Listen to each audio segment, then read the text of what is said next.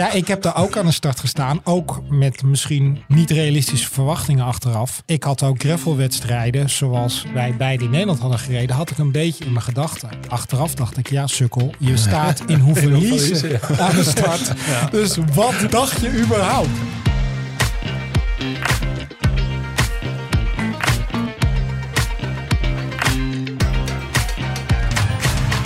Met weemoed denk ik terug aan de oneindige zomer. Warme wedstrijdkilometers op de weg en offroad. Koffierondjes, appeltaart, bordsprintjes met je fietsvrienden. Soloritten dwalend door ons landschap onder een strak blauwe hemel.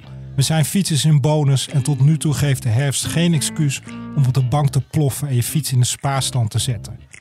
Natuurlijk, de weergoden weten wat ze nog voor ons in petto hebben, maar who cares? Want al regent het pijpenstelen, het is juist de herfst en de winter die het verschil kan maken in je hoofd en benen. Jezelf gunnen om te kiezen tussen bos, strand, indoor of de cross. Genieten, afzien, je hoofd resetten en fietsdoelen maken voor 2023. Je raadt het al, aflevering 32 staat bol van de herfst- en winterfietswijsheden en hoe je deze periode juist omarmt. Aan tafel zit onze speciale gast, local legend Peter Kraaivanger. De eerste winnaar van de NL Gravel Series en bovenal bedreven in alles wat fietst. Naast hem zit natuurlijk onze hoofdredacteur Edwin Haan en ik, Herman van Tilburg.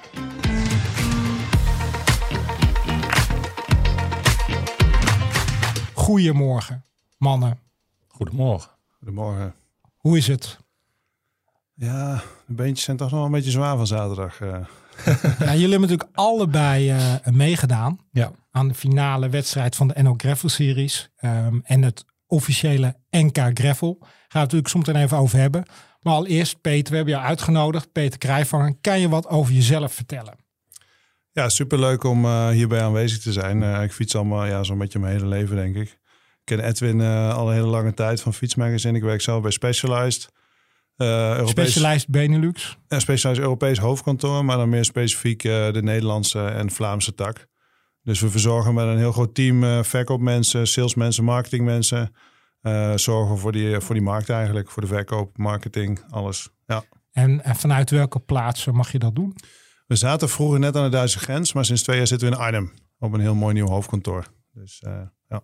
En wat doe je naast fietsen op een gemiddelde werkdag? Ja, we fietsen natuurlijk altijd, proberen elke dag te fietsen, want we mogen lunchrijden. Je hebt het misschien ook wel eens gezien. We hebben eh, mooie sportfaciliteiten, we mogen fietsen tijdens het werk. Eh, maar ik zit op de marketingafdeling met een leuk sportief team. En eh, meer specifiek doe ik het bikefit gedeelte.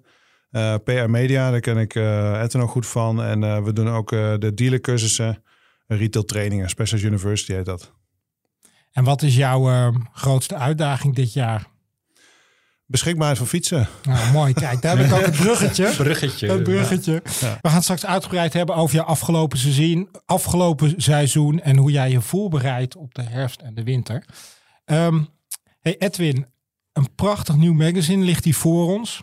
Eh, de november-editie. Ja. Bomvol, ook met speciale voeding en eh trainingsgids. Ja. Ehm, wat was voor jou het meest bijzondere artikel? Ehm, ik denk, nou ja, dan hou ik jouw bruggetje maar aan. Ja. Dat hadden we afgesproken.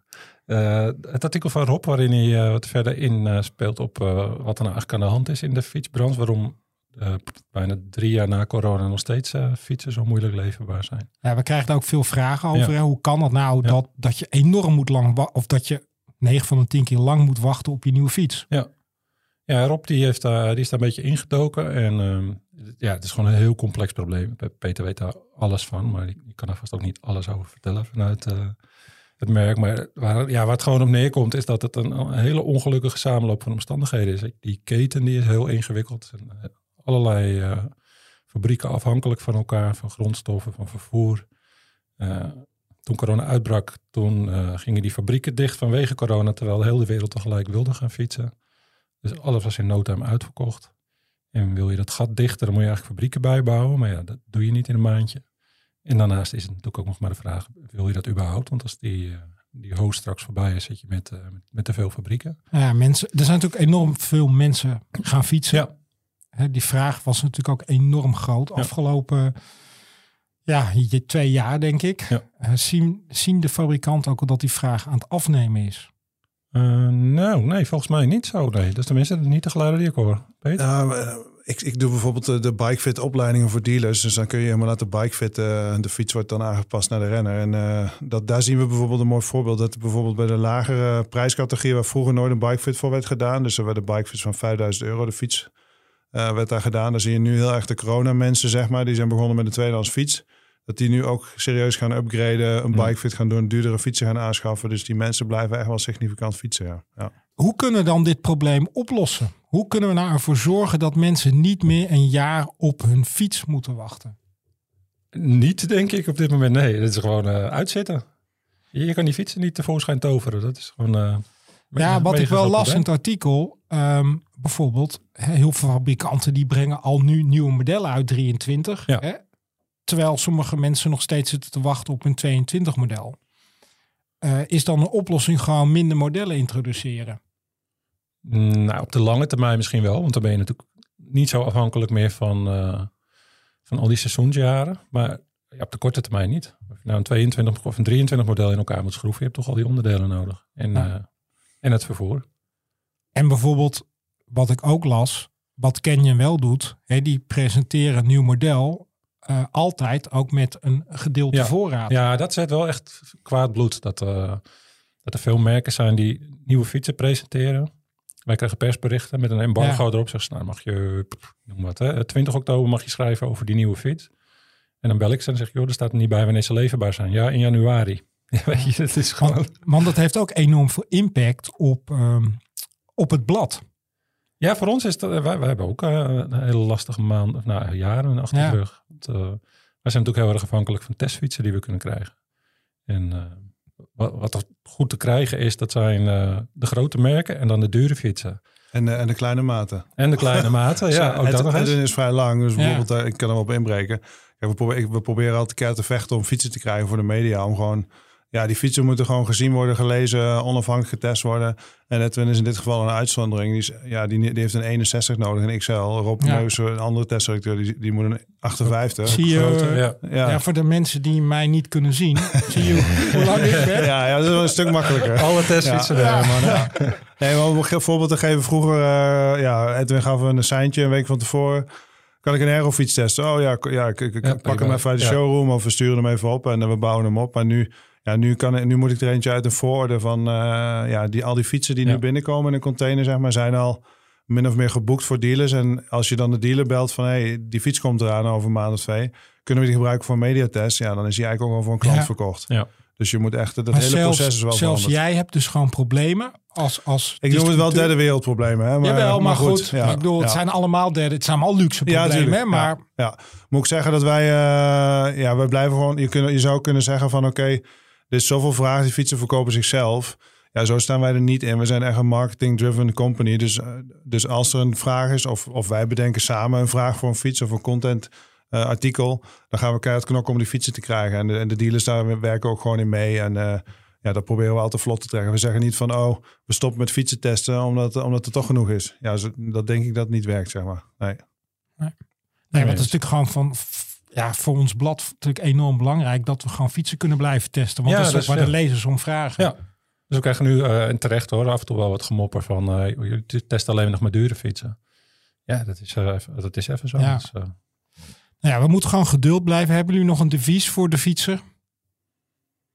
Ik zou, uh, ja, als ik het nu in deze tijd een fiets zou moeten bestellen, zou ik gewoon kaarten die uh, helemaal gaan, gaan bedenken wat ik precies wil. En daar heel gefocust op gaan inzetten. En precies mijn, mijn evenementen voor de zomer daarop gaan plannen. Maar ook ja, flexibiliteit inbouwen. Want dat die fiets op een gegeven moment toch niet komt. Ja, heb dan een plan B bijvoorbeeld, ja. hoe zuur het ook klinkt. Maar laat niet je vakantie ervan afhangen. En je nee, fietsplezier. Ja. Heel veel van onze lezers ja. kopen natuurlijk niet een nieuwe fiets omdat ze die moeten, maar omdat ze die willen. Uh, misschien is het soms wel verstandig om gewoon even een paar maandjes te wachten. En want uh, dat zegt, mijn vader zei dat altijd, het bezit is ook het einde van het vermaak. Hè? Dus oh ja. De, soms, de reis is belangrijker dan het doel. Precies, ja, precies. Ja, ja. Ik weet niet. Hey, we gaan uh, even terugblikken naar afgelopen weekend.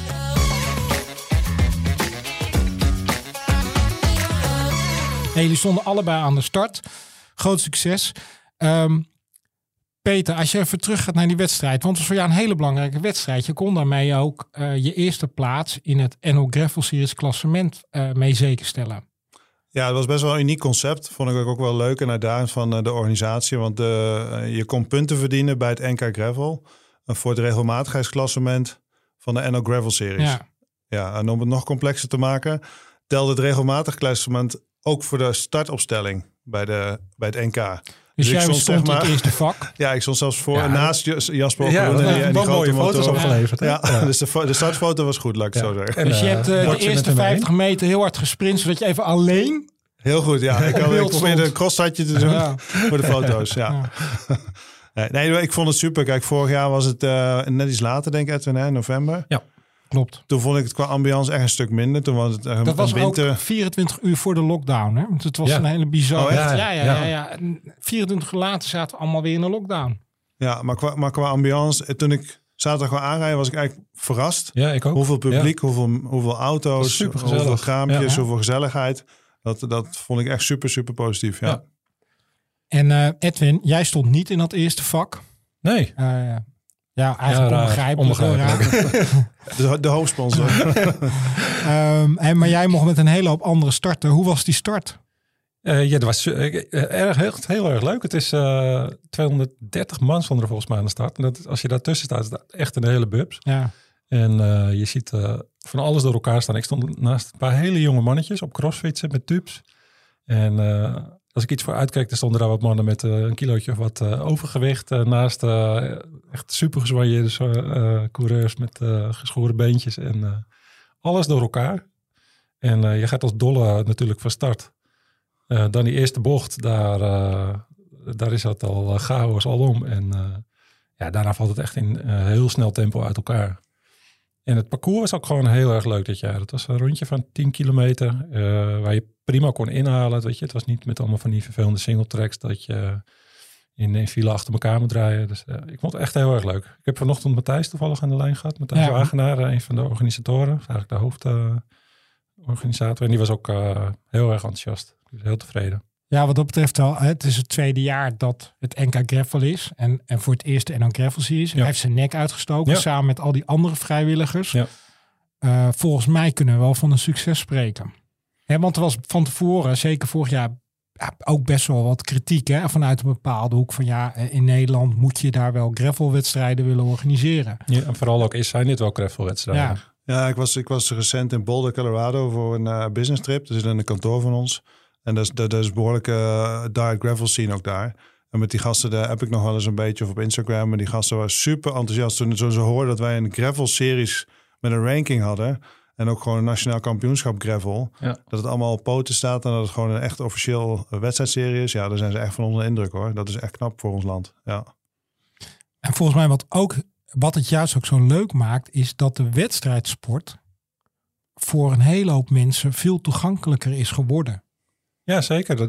met zo'n daglicentie kan eigenlijk iedereen meedoen. Je huurt een eh, chip eigenlijk. Weet je, voor, uh, voor een paar euro doe je mee. En het leuke hiervan is dat je... Ik heb, heel veel mensen hebben het enorm onderschat. Dat was ook wel heel leuk om te zien. Dat die allemaal heel hard starten. Veel harder dan ik. heb Peter gaat sowieso heel hard. Maar ik, ik ga wat minder hard. Maar na vijf rondjes begon ik steeds, allemaal, steeds meer mensen in te halen. En een heleboel daarvan, die konden ook niet meer mee fietsen. Zeg maar. Die waren gewoon echt helemaal kapot. Ja, dat is zich toch misschien wat vergist in, de, in de zwaarte van, van de wedstrijd. Ja, en, dat vind ik juist heel leuk. Ik, het format is heel lastig, hè? want je denkt drie uurtjes een beetje rondrijden. Maar het is, het is eigenlijk gewoon een omgekeerde wielenklassieker. Want je start in de finale. Ja. Uh, normaal is het rustig beginnen. En ja, wij, wij finishen wat rustiger. Ja. En wij finishen in waaiers, zeg maar. Ja. En iedereen is kapot. Maar dat is meer gewoon een, een, ja, een tankje wat leeg loopt. Dus in het begin moet je de slag slaan. Maar op het einde is het ook super belangrijk. Want heel veel mensen na twee uur die, die stoppen met kramp, pech. Ja. Dus het is best wel bizar. Maar dan is het leuk dat het zo'n kort rondje is. Dan, gaan, die bleven ook allemaal hangen. Ook dat lekker weer was, dat hielp natuurlijk mee. Maar daardoor bleef het sfeertje ook heel leuk. Er stonden gewoon heel veel mensen langs de kant te kijken. Ja, want bij de dames vond Marianne Vos. Ja, en heb je toch even een heel klein stukje mee mogen rijden. Ja, dat was grappig, want die haalde ons in. Ik zat toen in een groepje met, uh, met zes. Het, het, duurde heel even voor ik door dat zij het was. En toen zei ik van, uh, kom op, die kunnen we wel hebben, gewoon met een geintje. Dus ik, ik zette even aan, maar die andere vijf keken me aan van, ja, je spoort niet, dat gaan we niet doen. dus toen heb ik eventjes een stukje achteraan gereden, zeg maar, om die snelheid uh, gelijk te houden. En ja, daar moest ik echt serieus hard voor trappen. Zeg maar, in een tempo dat ik ongeveer een kwartier vol kan houden. Ja, ja we hadden hetzelfde op de WK Gravel. werden we gedubbeld op de plaatselijke ronde door Mathieu en uh, oh, ja, zijn groepje. Ja. Ja, want dan- jij, jij hebt... Het is vrij bizar inderdaad, Ja, verschil. Hou die even vast, want voordat we bij het WK komen... wil ik even eh, eh, het NK even, even afsluiten. En daarmee ook de Gravel-series. Hebben jullie nog een advies voor mensen die nog twijfelen om volgend jaar mee te doen? Ja, weet je, het is gewoon superleuk om ooit te beginnen. Kijk, het, het diverse aan het verhaal is ook, je hebt strandraces. Met dus mensen die echt gespecialiseerd zijn in strandraces op een hoog niveau, fietsen omgebouwd hebben. Je hebt best wel gerenommeerde mountainbike toppers die een, eh, een race stuur op de mountainbike zetten en daardoor de fiets ombouwen. Als je maar een krom stuur hebt, kun je gewoon meedoen. Bandbreedte maakt niet uit. Het is, Ja. het is helemaal je eigen reis naar die wedstrijd toe. Je eigen materiaalkeuze. Ja, probeer het Ja. gewoon eens. En het is, Gewoon weet je, starten. waar kan je nou... eh, je kan niet een voetbalwedstrijdje doen dat je tussen de spelers van eh, Ajax, Precies, PSV precies. staat. En hier sta je gewoon tussen de Nederlandse top. Dat is echt heel erg leuk. En denk- zij vinden het ook nog leuk. Hè? Dat, dat vind ik echt zo ja, de grappig aan sfeer is ook behoorlijk ontspannen. Hè? Ja, Marianne Vos was gewoon echt eh, super enthousiast. En wat natuurlijk wat leuker is eh, met die gravel-series, die verschillende wedstrijden. Ik bedoel, Zandvoort hebben we allebei gereden. Was natuurlijk een heel ander parcours, veel technischer, eh hoogtemeters ten opzichte van bijvoorbeeld de race in, in, in Uddel. Ja, ja de, kijk, ik heb de series gewonnen. Dat wil niet zeggen dat ik de beste renner was eh, in die series. Meest Hè? Maar de meest constante, denk ik. En de, en Ja. de meest misschien voorbereiden. Want bijvoorbeeld in Bannold was heel veel regen. Meidoorns in Limburg in het september. Of in augustus was het geloof ik. Ik weet niet meer. Maar in Zandvoort heel veel grove stenen.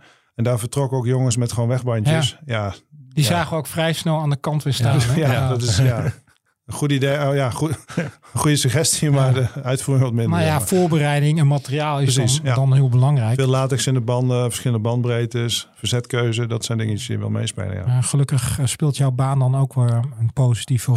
daar- ja daarin, ik heb niks te nee. Hey. hey, dat WK voor gravel was natuurlijk ook, hè, want jij bent geen prof.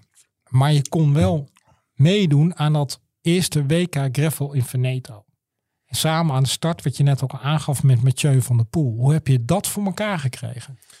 Ja, dat is een goeie. dat vraag ik me ook nog wel eens af. Nou ja, ehm, ik, ik, ik, ik ga elke winter smeed ik een plannetje wat ik die zomer wil gaan uitvoeren. En daar zit altijd wel een sportief eh resultaat eh, dingetje bij. En, dit, en de winter daarvoor was ik tweede geworden op het NK Marathon in mijn categorie. Daar was ik super blij mee.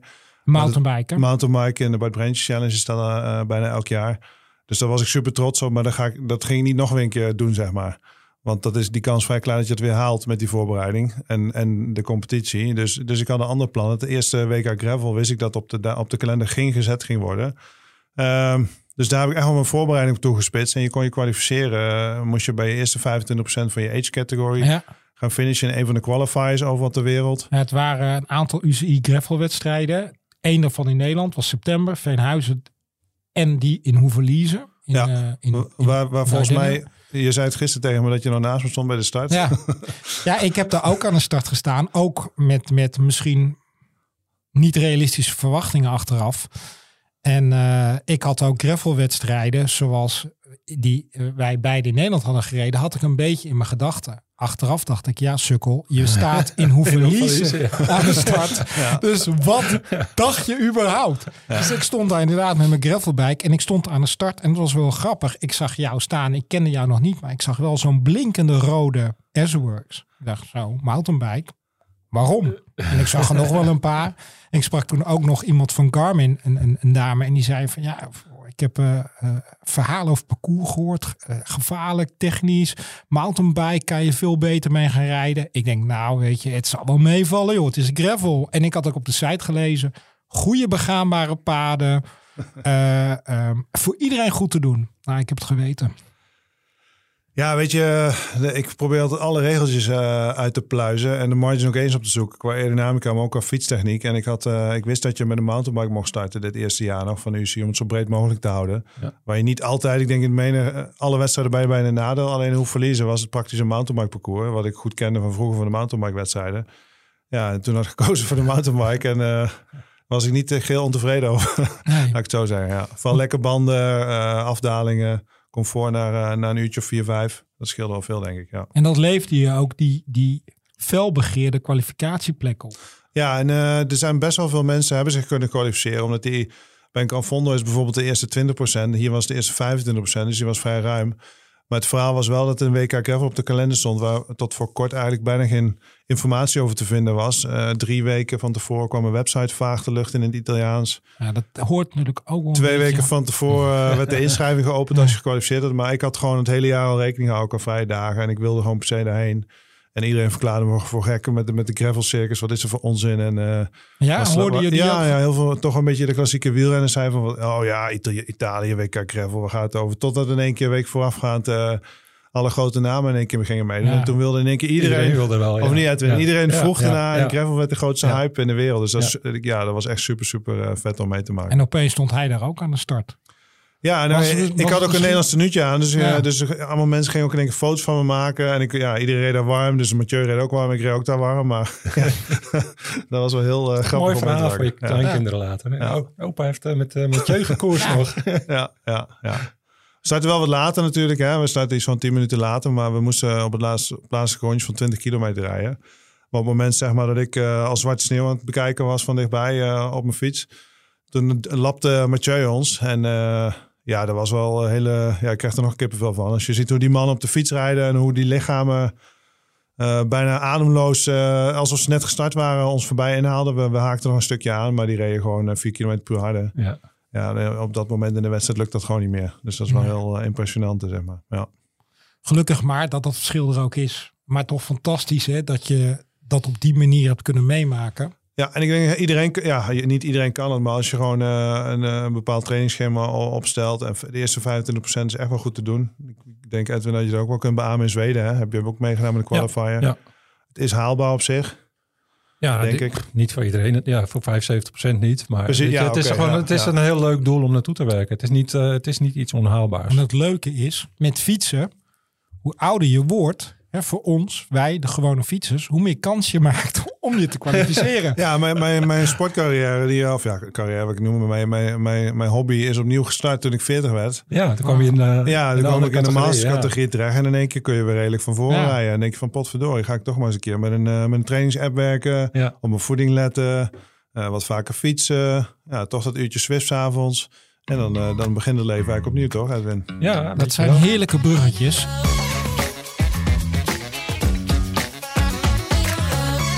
We zitten natuurlijk midden in herfst. Hoewel herfst, het is vandaag 18 graden, zag ik net. Hey, kort, uh, kort hè? Ik ben op de fiets hierheen gekomen. Ik, uh, kort, kort, ik heb alleen maar gezwaaid naar mensen in winterkleding. Ja. Toen dacht ik, nou ik weet niet, maar het is 17, dik 17 graden. Ja, ik bedoel, het is natuurlijk bizar. Ik bedoel, uh, als je het hebt over klimaatverandering en nou, misschien een klein voordeel voor ons fietsers is dat je inderdaad nu nog kort kort kan rijden. maar die herfst en de winter, ik begin altijd om dat onderwerp even in te leiden voor de luisteraars wel bekend met een stelling. En mijn eerste stelling is een delete-knop voor de herfst-winter. Je hoeft alleen maar ja of nee te zeggen. Peter. Bedoel je dat, dat, dat je geen herfst en winter herfst wil? En winter. Oh, dat dat je hem weg zou kunnen laten. Ja. ja. het klinkt misschien heel hard, maar ik zou, ik zou ja zeggen. Ik zou nee zeggen. Ja. Gek op de herfst. Ik zeg ook ja. nou, Wel een serieuze stelling trouwens. Weggestemd. Ja, ja dus uh, als, als het mij ligt hebben we alleen nog maar voorjaar en zomer. Um, Peter, jij zegt nee. En Edwin, jij zegt... Uh, uh, of Peter, jij zegt ja. En, en Edwin, jij zegt nee. waarom ben jij dol op de herfst? ik, heb, ik hou heel erg van van de natuur, van buitenfietsen, zeg maar. Niet alleen van hard uh, rijden, maar ook gewoon een beetje omheen kijken. En ik vind de herfst gewoon prachtig in Nederland. Al die kleuren en... Uh... Ook als het uh, regent en windkracht 5? Ja, wind, ik, ben, ik spoor wat dat betreft niet helemaal. Misschien omdat ik in de polder woon, maar ik ben gek op wind. Dus dat vind ik sowieso wel fijn. ja, dus jij staat ja. juichend op als je inderdaad op, de, op je app, weer-app ziet staan, windkracht 5. Ja, ik denk daar wel van, dan heb ik straks lekker windje mee. Ja. Aan en wind tegen, ja, daar denk ik dan niet zo Nee, aan. nee. Nee. En uh, ja, die regen, dat, dat hoeft natuurlijk voor mij niet, maar dat kan in de zomer ook. Ja. Want, want hoe vul jij dan je herfst en winter in qua fietsen? Uh, dan, ga, dan ga ik minder op de weg fietsen, omdat, uh, omdat ik het lastig vind dat, dat het vaak glad is. Ja. dus nog meer het bos in op mountainbike en, en op de gravelbike. En ehm, indoor fietsen, dat Ja. ga ik op de een of andere gekke manier ieder jaar iets leuker vinden. Ik vond dat vroeger echt vreselijk, maar ik begin er langzaam aan te wennen. En Peter, ehm, jij zegt we gaan gewoon inderdaad stoppen met herfst en de winter, net als ik. maar hoe kom jij dan die herfst en winter door? Ja, het is natuurlijk heel dubbelzinnig. Hè? Want ik zou eigenlijk nee zeggen. Want cyclocross is een van de tofste dingen die ik... eh, Ja. van de mooiste sporten die ik vind eh, die bestaat in de Ja, wielersport. net het cyclocross ja. vooral. Maar het, vooral het daglicht en het zonlicht aspect Ja, ja. wegen bij mij veel zwaarder door. Dus eh, dat je s'avonds gewoon daglicht hebt, zonlicht, de warmte, kort kort. Ja, dat is voor mij de doorslag, zeg maar. Kan ik jou dan niet betrappen op een rit in de avond met een goede lamp? Vroeger heel veel gedaan toen we nog geen Zwift hadden en toen we nog geen indoor trainings hadden. Dan ging ik gewoon ook, al was als het regen, drie uur op de dijk fietsen met een lampje op. Maar dat, eh, dat doe ik echt niet meer. Nee. Jij avondrit in de Ik, rij wel, ik doe wel avondritten, ja. En dan eh, met lampjes. En eh, ik vind het alleen lastig. Ik vind het niet fijn om alleen te doen. Weet je, do- door die lampen zie je, je ziet zeg maar wel dat je niet ergens tegenaan rijdt, maar gladheid, dat zie je gewoon niet. Ja, En eh, met name in de bochten die soms Ja, gewoon inderdaad ja, eh, zeker. Gevaarlijk die, glad eh, kunnen liggen. in Flevoland hebben ze veel van die betonpaden tegenwoordig, die zijn echt spekglad. Dus dat doe ik dan het liefst met een groepje. En weet je, mocht er dan een keer wat gebeuren, dan, dan lig je daar niet alleen. Maar heel vaak doe ik dat ook niet hoor. Want ehm, als je buiten, hè, want je, zeker met deze temperatuur kun je natuurlijk gewoon nog heel lang buiten fietsen op de weg ook. Ehm maken jullie je fiets bijvoorbeeld winterklaar? Hè, je wegfiets. Ja, weet je, kijk, eh, dan zou ik zeker zoals Edwin kiezen voor bredere banden. De 28, 30 zelfs. Misschien iets lekbestendiger, maar sowieso voor die gladheid. Dat onderschatten denk ik heel veel mensen hoor. Als er een beetje Ja. vuiligheid op de weg ligt, de landbouwmachine is langs geweest. Ja. Dat is echt gevaarlijk hoor. Je ligt zo en je een beetje sleutel. Nou ja, en, eh, afgelopen weekend ook een, jongens, eh, een jongen eh, uit mijn fietsgroepje ook een bochtje onderuit. En 1000 euro schade aan de fiets, hè, dat, Oh ja, dat is nog het ergste. dat maakt het dan extra zuur. En mee wachten op je fiets. Ja, kijk, als je, ik weet, die jongens, eh, die profs, die maken gewoon, die moeten die uren maken. Die maken dan de fiets compleet fender-proof. Dus van, van voor tot achter eh, Ja. drie meter eh, spatborden erop. Dat ook Ja. de jongen die achter je rijdt met name, dat die gewoon eh bespaard blijft van sprayers. Ja, En dan fijn. is het eigenlijk best goed te doen. Ja, en als je goede banden hebt. Ja. Hebben jullie dan ook nog bepaalde favorieten qua kleding die in de herfst en winter standaard aantrekt?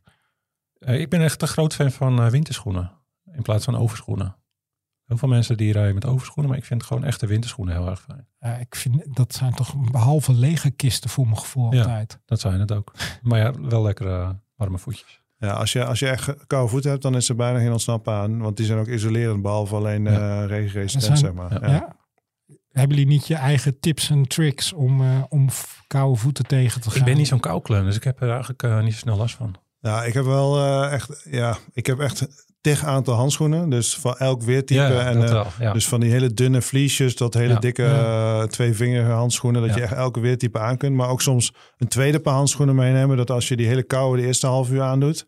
En als je dan door de bos gaat rijden, dat je een tweede paar hebt, wat dunnere. Dat je ook niet gaat zweten. Dat zijn wel tips, want anders ga je weer afkoelen. Ik rij al jaren met die, van die gebreide handschoenen met zo'n Gore-Tex eh, binnenkant. Zeg maar. Dan krijg je niet van die zweterige handen. Want anders Ja. kun je uiteindelijk als je En niet bezuinigen echte op handschoenen. waterdichte... Nee, handschoenen, niet handschoenen zijn goud Ja. waard. En ook verschillende soorten overschoenen. Dus, eh, dus eh, ja, waterdicht, maar ook bijvoorbeeld eh, ja, isolerend. Of alleen een neusje erop. Ja. Dat je alle soorten en maten wel in je, je kast hebt. Maar niet eh, het, het goede eigen knutselwerk met aluminium over je voeten of eh, plastic zakjes. eh. Van tevoren insmeren met uienzalf en dan een zakje, zakje Ja, ja, eromheen. ja, dat ja. soort verhalen Ja. hoor je allemaal. Nee, dat, eh, dat ging niet. En soms, eh, sommige fietsschoenen die hebben een gat onderin voor de koeling of voor de Ja. beluchting in de zomer. Die plak ik altijd met duct tape dicht. Ah. Dat je in ieder geval net even die koude tochtstroom... Ja. En als je dan terugkomt van een, eh, van een rit, maak je altijd standaard je fiets schoon. Ja, ik zie je nu. Ja, wat wat wij kijken elkaar aan. Ja, eh, weet je, het, het, het- ik denk dat het belangrijk is dat je goed materiaal hebt wederom. En dat je gewoon een, eh, goede, goede installatie daarvoor hebt. Of iets thuis aanschaft, een easy washer of weet ik veel wat. Of een, Ja. of een hoogdrukspuit die je goed gebruikt. Dat het vooral makkelijk en snel gaat op een professionele manier. Dan doe je het gewoon snel. Bij ons werk hebben we gewoon een hele goede afspuitplek. Met goede schoonmaakmiddelen. Ja, dan Ja. is het binnen vijf minuten gebeurd. Ik was nooit zo'n poetser, maar ik heb eh, een paar jaar terug van mijn schoonzusje voor mijn verjaardag zo'n zo'n compressor voor in de auto gekregen, die op 12 volt werkt. Het is handig als je een toertochtje rijdt en eh, je fiets in de blubber niet eh, smerig achter je auto wil leggen. En eh, daar heb ik een omvormer voor gekocht, dus die heb ik nu thuis staan. En ik zorg altijd dat die gevuld is. En als mijn fiets dan echt vies is, dan kan ik hem even thuis afspuiten gewoon. Wat is het kenteken van je auto? Dan weten de mensen bij de volgende En waar ze moeten zijn, daar Ja. kan je je fiets laten afspuiten. Ja. Ja, dat is natuurlijk wel ideaal. Weet maar- je, de, de helft van de moraal begint natuurlijk als je... Ja, de fietskleding moet mooi zitten. De, de sokjes moeten gesoigneerd zijn. Maar ook eh, de fiets moet natuurlijk schoon zijn als je fietsen, vind ik, denk ik. Maar wat zijn bijvoorbeeld echt meest gemaakte fouten voor in de herfst en de winter? Ja, Wat zie Doorrijden bij op je eigen zomerbanden. Ja. Dat zie je bij de tourclubs denk ik aan het begin van de winter. Ja. Doorrijden op zomerbanden of licht versleten banden. Ah, dat is, dat is irritant, hè? Want dan ga je met een groepje rijden en is er Ja. altijd één die niet zijn banden heeft gecheckt. En als je die dan al- lek rijdt en dan sta je met z'n allen in de kou te Ja. wachten. Ja, dat is ellendig. Ja. Eh, de schaamte voor spatbordjes. Ja, voor, het was een no-go. Spatbordjes of Ja. zadeltassen. Ja. Ja. in de winter vind ik mag alles. Ja, Ja, Toch? wat Ja. Jij, jij net zei, dat heel veel mensen zich niet beseffen dat het sportbord niet alleen voor jezelf is, maar dat de mensen achter jou daar vooral heel blij van, van worden. hè? maar ik denk dat een hele goede, eh, goede gouden regel. In de winter mag alles. Ja, vind ik wel. Ja. Ge- je kunt de regel gaan bespreken van beenstukken over of onder. Oh ja. Maar ik bedoel meer ja, wat, er- wat er gewoon qua... Ja, ik denk je moet gewoon laagjes, de- niet, eh, niet bezuinigen op kleding. Nee. Zorgen dat je snel eh, koude kleding uitgaat, snel douchen. Ja. Ja, goed eten. Goed eten. Vooral Vooral, ook, ja. dat is- vinden mensen vaak lastig, hè? In de kou eten. Met fietsen. Ja, en vergeet niet te drinken ook, hè? Ja. Want mensen, ja, dan denken ze het is koud, ik Ja, drink precies. niks. Ja. Ja, wat wij vaak doen is eh, rondjes uitzetten met een eh, goede koffiestop eh halverwege. Kan je even lekker, eh, even lekker En opwarmen. appeltaart. Nou, laatst was ik eh, met mijn fietsmaatje Ronald aan het fietsen. En ik weet niet meer precies hoe laat we daar zaten. Maar ik, dat was voor 12 uur 's ochtends. En die bestelde appeltaart en bitterballen. Appeltaart en bitterballen. Ja, en, en die mevrouw, eh, de, de keek hem wel. Dat was heel professioneel. Ze keek hem een beetje aan van... eh, wat? Maar ging ze regelen. Ja, maar daar had hij er wel minimaal vier uur op zitten, toch? hè? Oké. Toen hadden we er eh, dik twee uur op zitten. En toen moesten we ook nog twee uur. Nou ja. Dat was eigenlijk achteraf een goed plan. Dat we erin houden.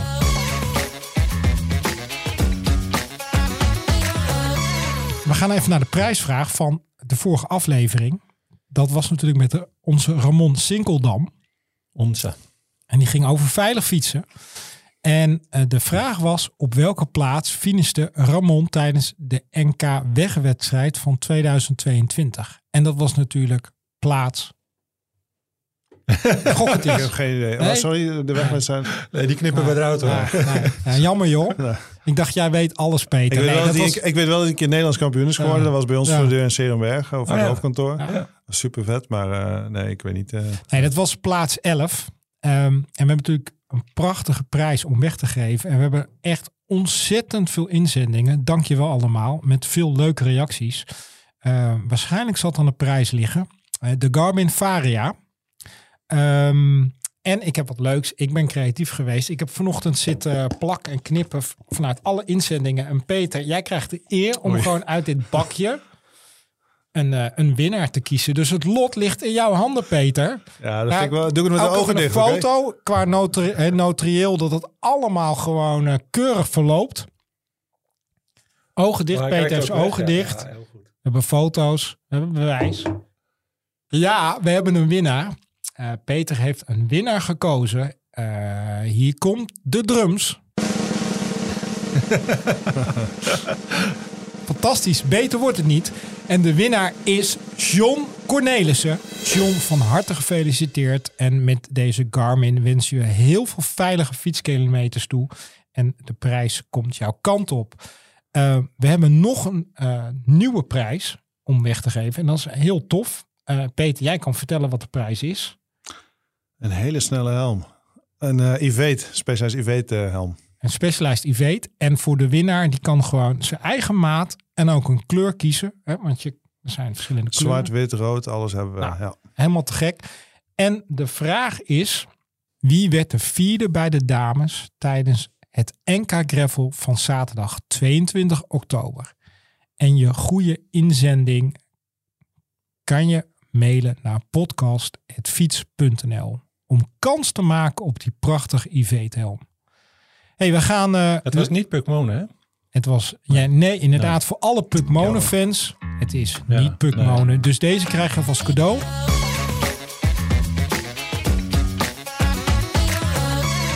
Een stelling.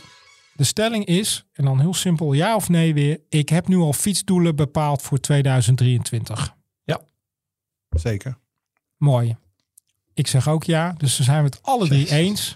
Heel gemakkelijk. Ik moet echt uh, andere stellingen bedenken. Um, allebei ja. Wat zijn jouw doelen voor 23? 23 uh, denk ik te gaan doen de Tour Transalp op de weg. Dus de, de bike Transalp is een mountainbike. Ja. Middags zijn de Tour Transalp. Uh, wordt gesponsord door Specialized Duitsland, Hmm. geloof ik. En uh, dat lijkt me echt super mooi. Me meerdere dagen etappekoers eigenlijk voor amateurs. Maar heb je hier vrijwillig voor gekozen omdat het Specialized is? ja, het is wel echt giga, giga zwaar blijkbaar. Ja. Maar het lijkt me gewoon een mooie uitdaging. Ik wil niet elk jaar repeteren. Dus nee. dit jaar Strade Bianchi gewoon Fondo gedaan. Dat vond ik super vet. Uh, Roubaix nog met een paar mensen, een paar dealers gereden. Dus nog wat andere dingen gedaan. Een paar jaar de ride ook gedaan. Van ja. dat fiets ook gesponsord, onder andere middaags uh, gedaan. Dus ik, ik vind het gewoon heel tof om nieuwe dingen te doen. En ja. Um, die is zo uit mijn hoofd. Zes etappes zijn dat toch? En met zo'n 18.000 hoogtemeters om en nabij. Dat is heel interessant. Want daar kun je natuurlijk straks natuurlijk over hebben. Hoe ga je dan daarop voorbereiden in de herfst en de winter? Edwin, wat zijn jouw doelen? Ik ga vooral mijn focus op tijdrijden volgend jaar. Ik heb een uh, tijdritfiets in mijn maat weten te, te, vinden. Wat niet meeviel. Nee, en, uh, voor de luisteraars. Uh, jij komt onderhand tot aan het plafond. Dus dat is ongeveer frame-maatje. Ja, frame-maatje de grootste die er is. En dan is hij net te klein. Hetzelfde als Peter eigenlijk. We zijn ja, dus altijd X, tegen dezelfde problemen. Ja, dat, dat is dan 62? Ja, te, ja bij, bij hun 61, bij anderen merk 62, ja. XXL. Ik weet nog vroeger, toen, uh, echt heel, heel vroeger, hè, toen uh, reed ik op uh, Giant Peloton fietsen. die hadden maat 66. Zo. En dan had je nog van die dunne buisjes.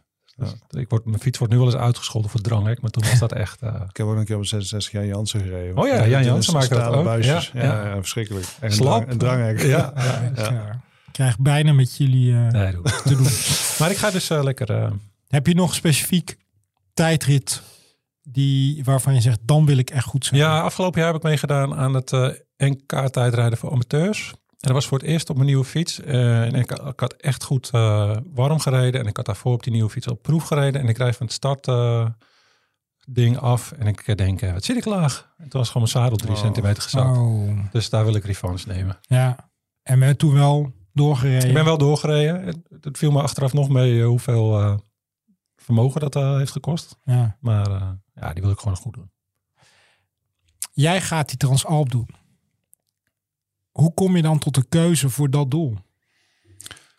Um, trainingstechnisch, uh, wat je kunt doen, wat je er ook uithaalt. Wat ik zei, ik heb een paar jaar achter elkaar de ride gedaan. Dat is een middagse. En ik merk ook echt wel toen, dat is natuurlijk gewoon een tour-event. Laten we eerlijk zijn, maar je maakt wel elke dag uh, 6, 7 uur met veel hoogtemeters. Dat je daar gewoon uh, de rest van het jaar en de zomer erop heel veel profijt van hebt. Ik doe het een beetje voor, uh, voor, voor trimmers dan zeg maar een middagse rijden. Zoals Mathieu, die wil mm. gewoon... Je wil gewoon een, een tour een keer uitrijden, een grote ronde. Maar je merkt gewoon dat je, dat je motortje als trimmer ook groter wordt. Dus daarom, dat Ja. lijkt me gewoon training specifiek gewoon ook super vet. En ik hou van de bergen. Uh, Jij kan ook goed klimmen, hè? Voor zo'n eh, grote gast. Ja, dat ligt, heb ik me ja, je moet wel echt, ja, je moet Ja. wel echt heel, je moet wel echt heel fit zijn ten opzichte van die lichte mannen. Ja. Dus je moet wel aardig wat gewicht verliezen en precies goed in vorm zijn. Dan kun je in het wiel die mannen wel redelijk bijhouden. Ja. Zeg maar. ja. Ja. Ja. Want ehm, ga je die alleen of ga je in een duo? Ik zou hem dan met een duo rijden. Ja, dat lijkt me gewoon het leukste. De, de gezelligheid, eh, maar ook de Maar heb vergezichten. je al een deelt. slachtoffer gevonden? Ja, zeker. Ja, ja mijn maatje Ah, Jan, eh waar ik ook vaak de ride heb gereden, die, die, is, die is veel beter bergop, veel lichter. Maar op vlakken, dan moet hij bij mij in het wiel. Dus, Ja. maar hij wil zich graag aanpassen en ik ook aan hem. Dus eh, ja, Ja, je hebt elkaar ook nodig, hè? Want ja, tuurlijk. Ja. Je kunt niet zo, ja, je kunt zo, die week niet zonder elkaar. De een heeft een slechte dag, de ander. En dan denk je, ik ben hartstikke goed. En de volgende dag ben jij weer super slecht. Ja. Dus eh, ja. En, en hoe ga je dan die herfst en winter, hoe organiseer je dan die trainingen? En welke, welke fietsdisciplines gebruik je dan? Nou, de, een hele lastige periode nu. Want je komt uit de zomer van waar je gewoon vrij makkelijk 12 uurtjes per week maakt. Ja, Dus ik heb Trainingspeaks, dat is een app op mijn telefoon. En die houdt gewoon zeg maar een vormlijn of ja, een digitale vormlijn bij. Maar als je nu veel minder tijd krijgt, gaat die vormlijn zakken. Dus je denkt dat Ja. je slechter wordt. Ja. Maar je wordt eigenlijk niet slechter. Je, je, alleen je duuraspect gaat weg. ja. Dus ik ga zeker niet die uren Want maken. hoeveel uur maak je normaal in de zomer? Ja, 10 tot 15 probeer ik minimaal wel te doen om Ja. een bepaald niveau te halen. Ja. Ja. En dan heb je natuurlijk ook de avonden hè, met lang licht. Dus dat maakt het voor iedere fiets natuurlijk Ja. veel makkelijker. Want, Ja. want hoeveel uur maak jij normaal, Edwin, in de zomer? Ik ben niet zo bezig met, eh, met de uren eigenlijk. Nou, een inschatting. Eh, tussen de 8 en de 12, denk ik. En dan, dan drie tot vier keer in de week. Ja, bij mij is het, is het bijna elke dag fietsen, maar dan Ja. eh, wat korter. uh, korter Jij doet ook uh, woon-werkverkeer, hè? af en toe, af ja. en toe. Ja, af Doe je altijd op de e-bike? Speed pedelec soms Ja. en dan kan ik tussen de middag een bloktraining doen, zeg Ja. maar. En dan, Met eh, speed pedelec is ook al een soort van training, toch? Ja, er zijn de meningen over verdeeld. Ik, eh, ik rij nog geen 100 watt, zeg Oh, maar. maar Maar Met een beetje vals spelen. Ja, natuurlijk. dus er zijn- ik tel ze ook niet echt mee als uh, Nee. trainingskilometers. Nee, nee. Maar je bent wel buiten en ontloopt Ja. de file. Maar het is natuurlijk waar heel veel fietsers er tegenaan lopen. Hè. De, de dagen zijn veel korter. Het, het gebrek daardoor dan ook aan tijd. Eh, hoe, hoe organiseer je dan inderdaad dat je toch effectief kan trainen en dat je toch met een goede voorsprong, of voorsprong in ieder geval ten opzichte van de fietsers die veel minder doen, die winter uitkomt? Ja, ik ken mensen die gaan heel ver. Die gaan in de zomer vrije dagen verzamelen. om, Oh, ja? om in de Ah, winter ja? toch uren te kunnen maken. ja. Bijvoorbeeld die heel, die heel cyclocross specifiek zijn. Die nemen in de zomer bijna geen dagen op. En die gaan in de winter bijvoorbeeld elke woensdag eh, uren maken. Of eh, bepaalde trainingen doen. Ja. Ja, zover ga ik niet, zeg maar. Nee. Ik, ik heb die dagen ook niet meer. Nee. Die vrijdagen. Nee. Ja, het is plannen, denk ik. Hè? Als, je, als je zorgt dat je in ieder geval één weekenddag kan besteden aan, een- aan een lange duurrit, dan heb je eigenlijk nog maar twee korte ritjes door de week nodig. En eh, als je dan indoor gaat fietsen, ja, dan eigenlijk moet iedereen dat toch kunnen regelen. Dat je, Dus ja, weet je, zo'n zo'n duurrit één keer in de week is wel. Ja, weet je, en bij ons op het werk zijn ze heel creatief. Als Amerikaans, wij, wij mogen tussen de middag fietsen of sporten. Dus we hebben een gym. Mensen gaan hardlopen. Maar je kunt ook, ja, in deze tijd dat heel veel mensen thuis werken, denk ik dat het misschien ook wel kan dat je bijvoorbeeld eh, een uurtje tussen de middag gaat fietsen met daglicht. Ja. Dat je net die vitamine D erbij pakt. Meer moraal krijgt. ja, ik doe dat ook heel Ja. vaak. Ik fiets door de week gewoon overdag en dan werk ik s'avonds door. Ja. Precies. Kan ja. ook prima. Wisselen jullie ook van fietsdisciplines? Ja, ik, vind doe- het doe juist, van het, alles. le- het Ja, dan, als ik dan toch een leuk. voordeel Ja. moet noemen van die herfst en winter, is dat je het ook wel ruimte geeft, en ook in je hoofd, om niet alleen maar beter te zijn met bijvoorbeeld het wegseizoen, maar ook Ja. die MTB lekker kan pakken of binnen kan fietsen. Ja, de Rob wordt, eh, collega Rob wordt altijd een beetje boos als we over een mountainbiken praten. ik ben als een, eh. Ik had hem op het puntje van mijn tong liggen. Want Ja. ik Ja, ben maar. eigenlijk nu meer gaan mountainbiken Ja. de laatste weken Ja. weer. Dan noemen Maar ze wegwielrennen in het bos, toch? Ja, maar dat vind ik Ja. inderdaad eh, niet ver gezegd naar Rob ook. Want ik was echt een klassieke mountainbike. In de Ja. zomer veel wedstrijden rijden, marathons. Maar die, ja, in plaats van de mountainbike marathons rijd ik nu gravel Ja, eh, series. ja. En nu is het eigenlijk wel lekker in eh, dat je niet meer op de weg op hoeft. Kun je die mountainbike Ja. routes op. Want die liggen er goed bij. Ja. Maar het is geen, eh, ik vind het niet de typische wintersport. Ja. Nee, Nee, nee, dat is het ook Nee. niet. Hè? Maar dat is natuurlijk wel heel erg wat in onze Nederlandse fietscultuur erin Klopt. zit bij Ja. heel veel. Ik snap het ook heel goed hoor, ja. ja. Want Veel veldtoertochten komen eraan. Daar kun je ook een doel van Ja. maken. Hè? Dat je door de week paar Swift workouts doet eh, tussen de bedrijven door. En dat Ja. je het weekend gewoon lekker met je vrienden lekker fit wil zijn in die toertochten. Zit ik zat toe toch Ja. op de mountainbike, gravel natuurlijk nog Ja. steeds ook. Eh, want dat crossen, dat is wel, even wel leuk. Dat is natuurlijk maar een- eigenlijk nog een hele kleine groep die, die, ja, die bekend is met het veldcrossen. Hè, we kijken natuurlijk wel af en toe veldcross. Ik bedoel, het is natuurlijk geweldig om te zien. Ja. Maar, maar een relatief kleine groep. Ja, Doet dat het. is heel klein. Ja, ik zie wel eh, kansen overigens. Hè? Want we hebben bijvoorbeeld de gravelfietsen. Die worden giga- gigantisch populair. Ja, Ook door wielrenners. Word ik, en als je daar eh crossbandjes op legt. Die zijn 33. En heel veel competities mag je gewoon met gravelbanden Ja. rijden. Want die worden de bandenmaat niet gemeten. Kun je ook gewoon een hele regionale crosswedstrijdje in het Amsterdamse bos. Of in de Achterhoek de GOW-competitie. Kun je gewoon prima mee rijden met een, eh, met een gravelfiets. want Eh, wat zie je... Als een, cross, als een crossmachine, zeg maar. Ik denk dat daar ook nog wel eh, Ja. een opening in zit. Ja. De bracket ligt iets lager, denk ik, Edwin. Hè? Ja. Maar, Ja, en echt lekker crossen doe je op tubes, denk ik. En eh, dat doe je niet met je... Dat doet de gemiddelde amateur niet. De gemiddelde wielertourist. Nou ja, ja, ik rijd dan nationaal, zeg maar. Dus, eh, en ja, dat, natuurlijk de discussie is nu van... Ga ik met latex in mijn crossbanden rijden of niet? Ja. Ja, ja ik rijd nog met tube, zeg maar. Ja. ja, maar Ja. gewoon voor de gewone fietsen, om dat eens een keer uit te Dat proberen. kan allemaal prima, joh. Die merken er niks van. Nee, Nee. nee. En je kan dus ook gewoon op je gravelbike, maar ook op je mountainbike. Hè? Tuurlijk. Ja, dan kun je ook die competities rijden. Die wintercompetities, die veldtoertochten. Ja. Eh, en ik denk dat de mensen, ik vind het gewoon fijn zozeer om, om competitief te zijn in de weekenden met, je met de veldtoer Maar als je fitter bent, rij je ook gewoon veel lekkerder. Tuurlijk. En niet, ook nog na de pauze, zeg maar. ja, dus niet alleen voor de pauze, maar ook na de pauze. Ja, Ja. want het is vaak een uurtje zo'n wedstrijd, hè? Bij onze crosswedstrijden zijn 40 minuten zelfs. 40 minuten. Ja, en dan soms eh, internationaal volgend weekend is dan het EK, dat is dan 50 minuten. Maar het is echt super kort. Ja. man. En als je- superkort, als je het- 50 minuten. Ja. En als je het een keer wil proberen, wat, wat, wat is dan key? Wat is het allerbelangrijkste? Ja, banden is super belangrijk wederom. Hè. Kijk, eh, een maatje van mij rijdt veel eh, op de Nederlandse berg in Utrecht. Nou, dat is praktisch de hele winter is daar modder. Ja. Ja, als je dan met kale bandje aankomt, dan, eh, dan is er gewoon geen lol aan. Dus zorg dat je gewoon goede banden hebt.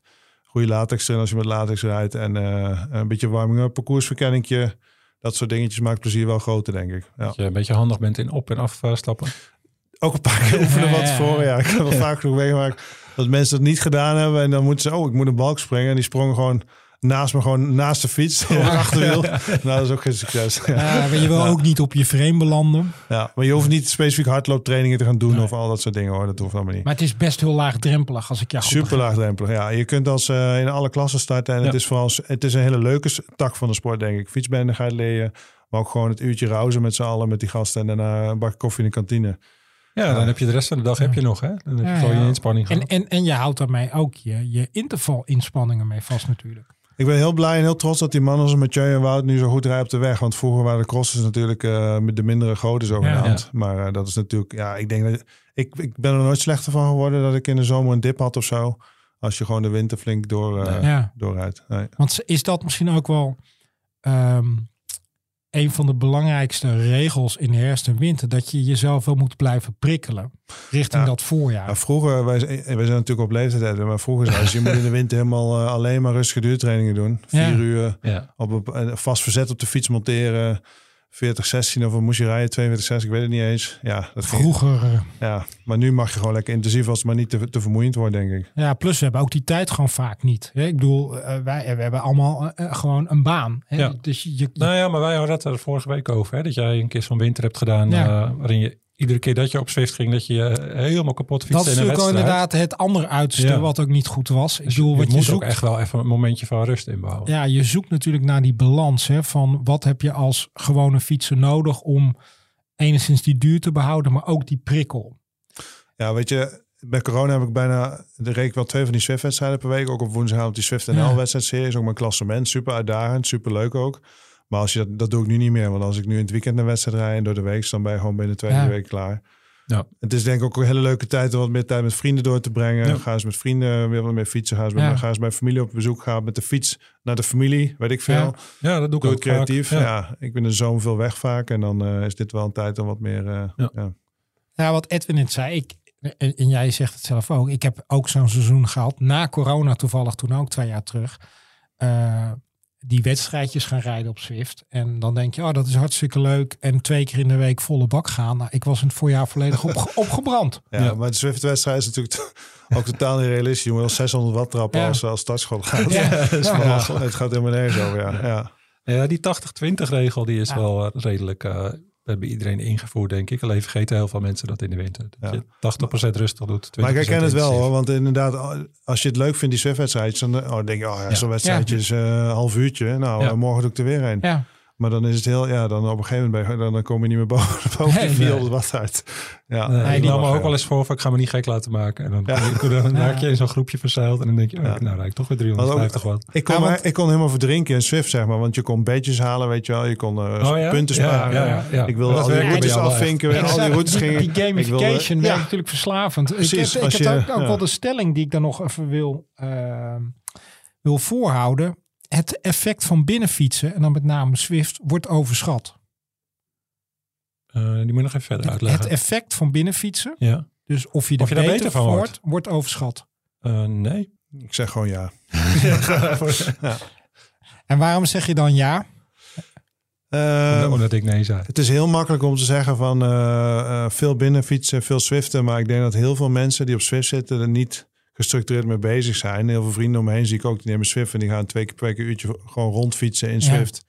En dan denk ik dat het, dat het beter is Ja, dat je dan, buiten dan in de blijf bos je gewoon zo. En dan ga je een social ride eh, in zo'n groep meerijden. Ja, of nog niet eens. Gewoon in een eentje gewoon rondrijden. Ja. Een uurtje op, eh, op een parcours. En eh, ja, als ik dan naar die eh, een beetje technisch verhaal van maak. Als ik dan die power profile zie of zie wat ze qua hartslag doen. Dan, ja, dat, dat zet niet zoveel aan. Weet je wel. Dan kun je beter Ja. buiten een mountainbike route gaan rijden. Met wat interval Ja. eh, werk erin. Denk ik. Ja. Dat mag ik zeker. Ja, ja.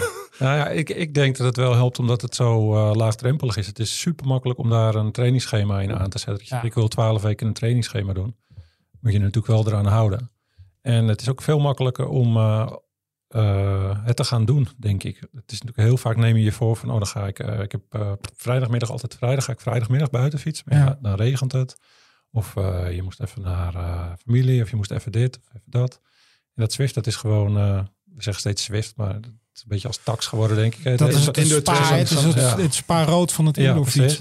Maar het is natuurlijk heel makkelijk eh, om s'avonds om acht uur op die fiets te stappen. Ja. Je je avondeten even laten zakken en dan eh, doe je even een trainingje van een uurtje, anderhalf uur. Ja, dat maakt het natuurlijk heel effectief, hè? Ja. Het, het binnenfietsen. En zeker ook, en denk ook wat je bedoelt, Peter, is als je het gericht aanpakt. Je moet het wel gericht aanpakken. Maar dat geldt natuurlijk voor alles. van, hè? eh, Als je gewoon maar wat doet. Ja, Zoals ik, eh, wat trouwens eh, helemaal niks mis mee is. Hè? Als je geen ambitie hebt om eh, je te verbeteren, maar gewoon fietsen leuk vindt, moet je vooral gewoon lekker zomaar wat doen. maar- Alleen je wordt niet beter. Nee. Als je altijd maar hetzelfde blijft doen, word je niet beter. Want Jij, jij combineert het, het Zwiften met, met de buitenactiviteiten, het crossen, eh, het Ja, ik probeer twee keer per week dan echt een, een intervaltraining te doen. Meestal op dinsdag en donderdag. Van maximaal een anderhalf uur op Swift of, of buiten als het nog lukt. En dan eh, upload ik die training in mijn Wahoo Ja. Unit. Of ik, of ik ga het op Swift doen, wat veel makkelijker is. Eh, maar dan wel heel gericht op FTP, bladibla, al dat soort dingetjes. En dat, dat- ik, maar ik krijg er ook heel veel voldoening uit. Maar ik heb ook mensen die bijvoorbeeld gewoon veel liever een uur op de weg gaan fietsen. En die gaan dan ook nooit aan beginnen. Ik heb wel eens met vrienden gesproken. Ja, ik wil ook beter worden. Ja, nee, dan ja, maar daar heb ik wel proberen dan? te helpen. En ja, Ja. dan zeg ik gewoon eh, wat iedereen kan. Dat ligt gewoon op straat. Ja. Maar je moet het wel leuk vinden. Ja, En niet, niet iedereen wordt blij van intervallen doen, zeg maar. Nee. Dus, nee, ja. ja, die blokken, Ja, die precies. ellendige blokken. Ja, dat is verschrikkelijk, ja, soms. Ja. Ja, of, en heel veel mensen kunnen gewoon geen fatsoenlijke duurrit rijden. Ook dat, ja. Je, ja. Als je zegt, we gaan nu, nu een keertje vier uur lang eh, in D1 rijden, dan Ja. hebben ze het idee dat ze niks gedaan hebben. Nee, die moet er Ja, altijd terwijl boven. Ik ken heel vrienden. belangrijk zijn. Een vriend van me die eh, gaat bij iedereen op straat een commentaar geven als er lager dan 30 gemiddeld is. Oh ja, dat is... ja, Ja, dat is iedereen. Maar er is ook wel een uitdaging, hè? Onder de 30 te rijden. Nou, Nou, ik heb voor heel veel mensen niet hoor. nee. Ja. Nee, maar als je natuurlijk best wel wat fietservaring hebt. Ja, dan wel. Ja. En, en, en de wind heb je al een keer op één kant lang Ja. mee in de rug. Ja. Maar hij Ja, doet het ook bij dat. mensen die gravelritten maken. Dus Ja, dat is ja. al, ja.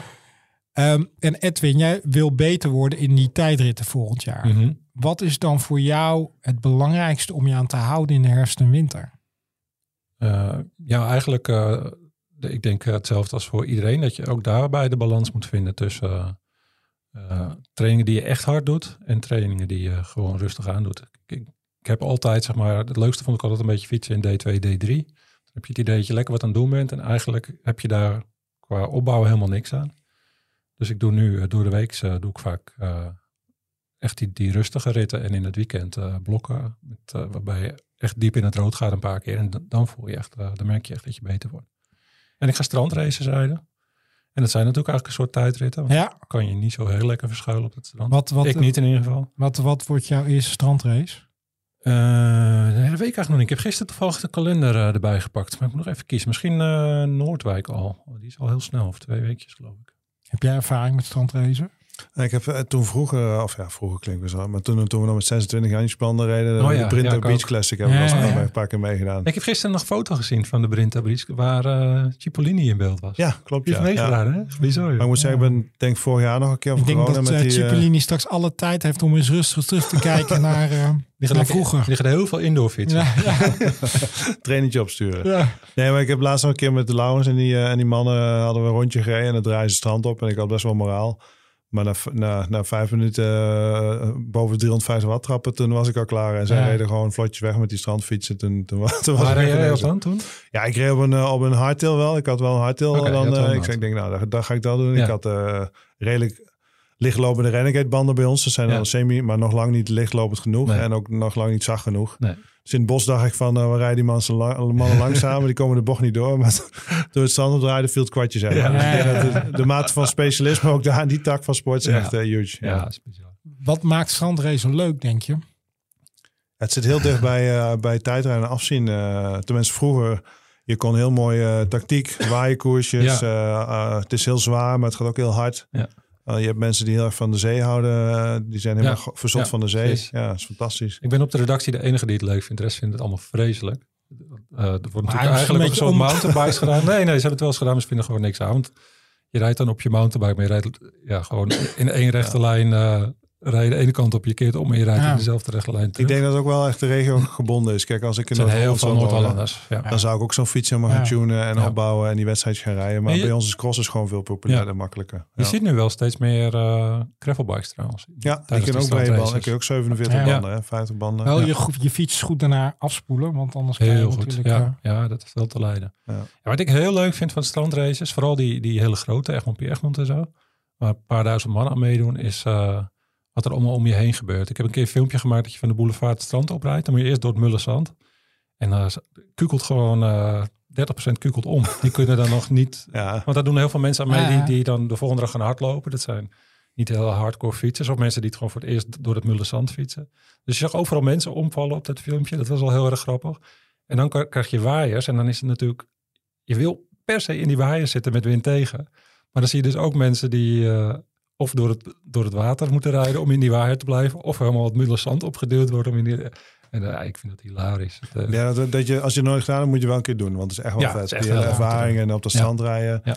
Ook in je hoofd denken, ah, daar is het harder, dan rijd ik daar. En dan vijf meter later, oh nee, hier moeten ze niet rijden. nee. Ja, maar, precies net, maar, dat. net, ja. net- maar net zoals de cross, eh, kan je natuurlijk net zo voor een strandrace, een mountainbike of een gravelbike. Banden is natuurlijk alles.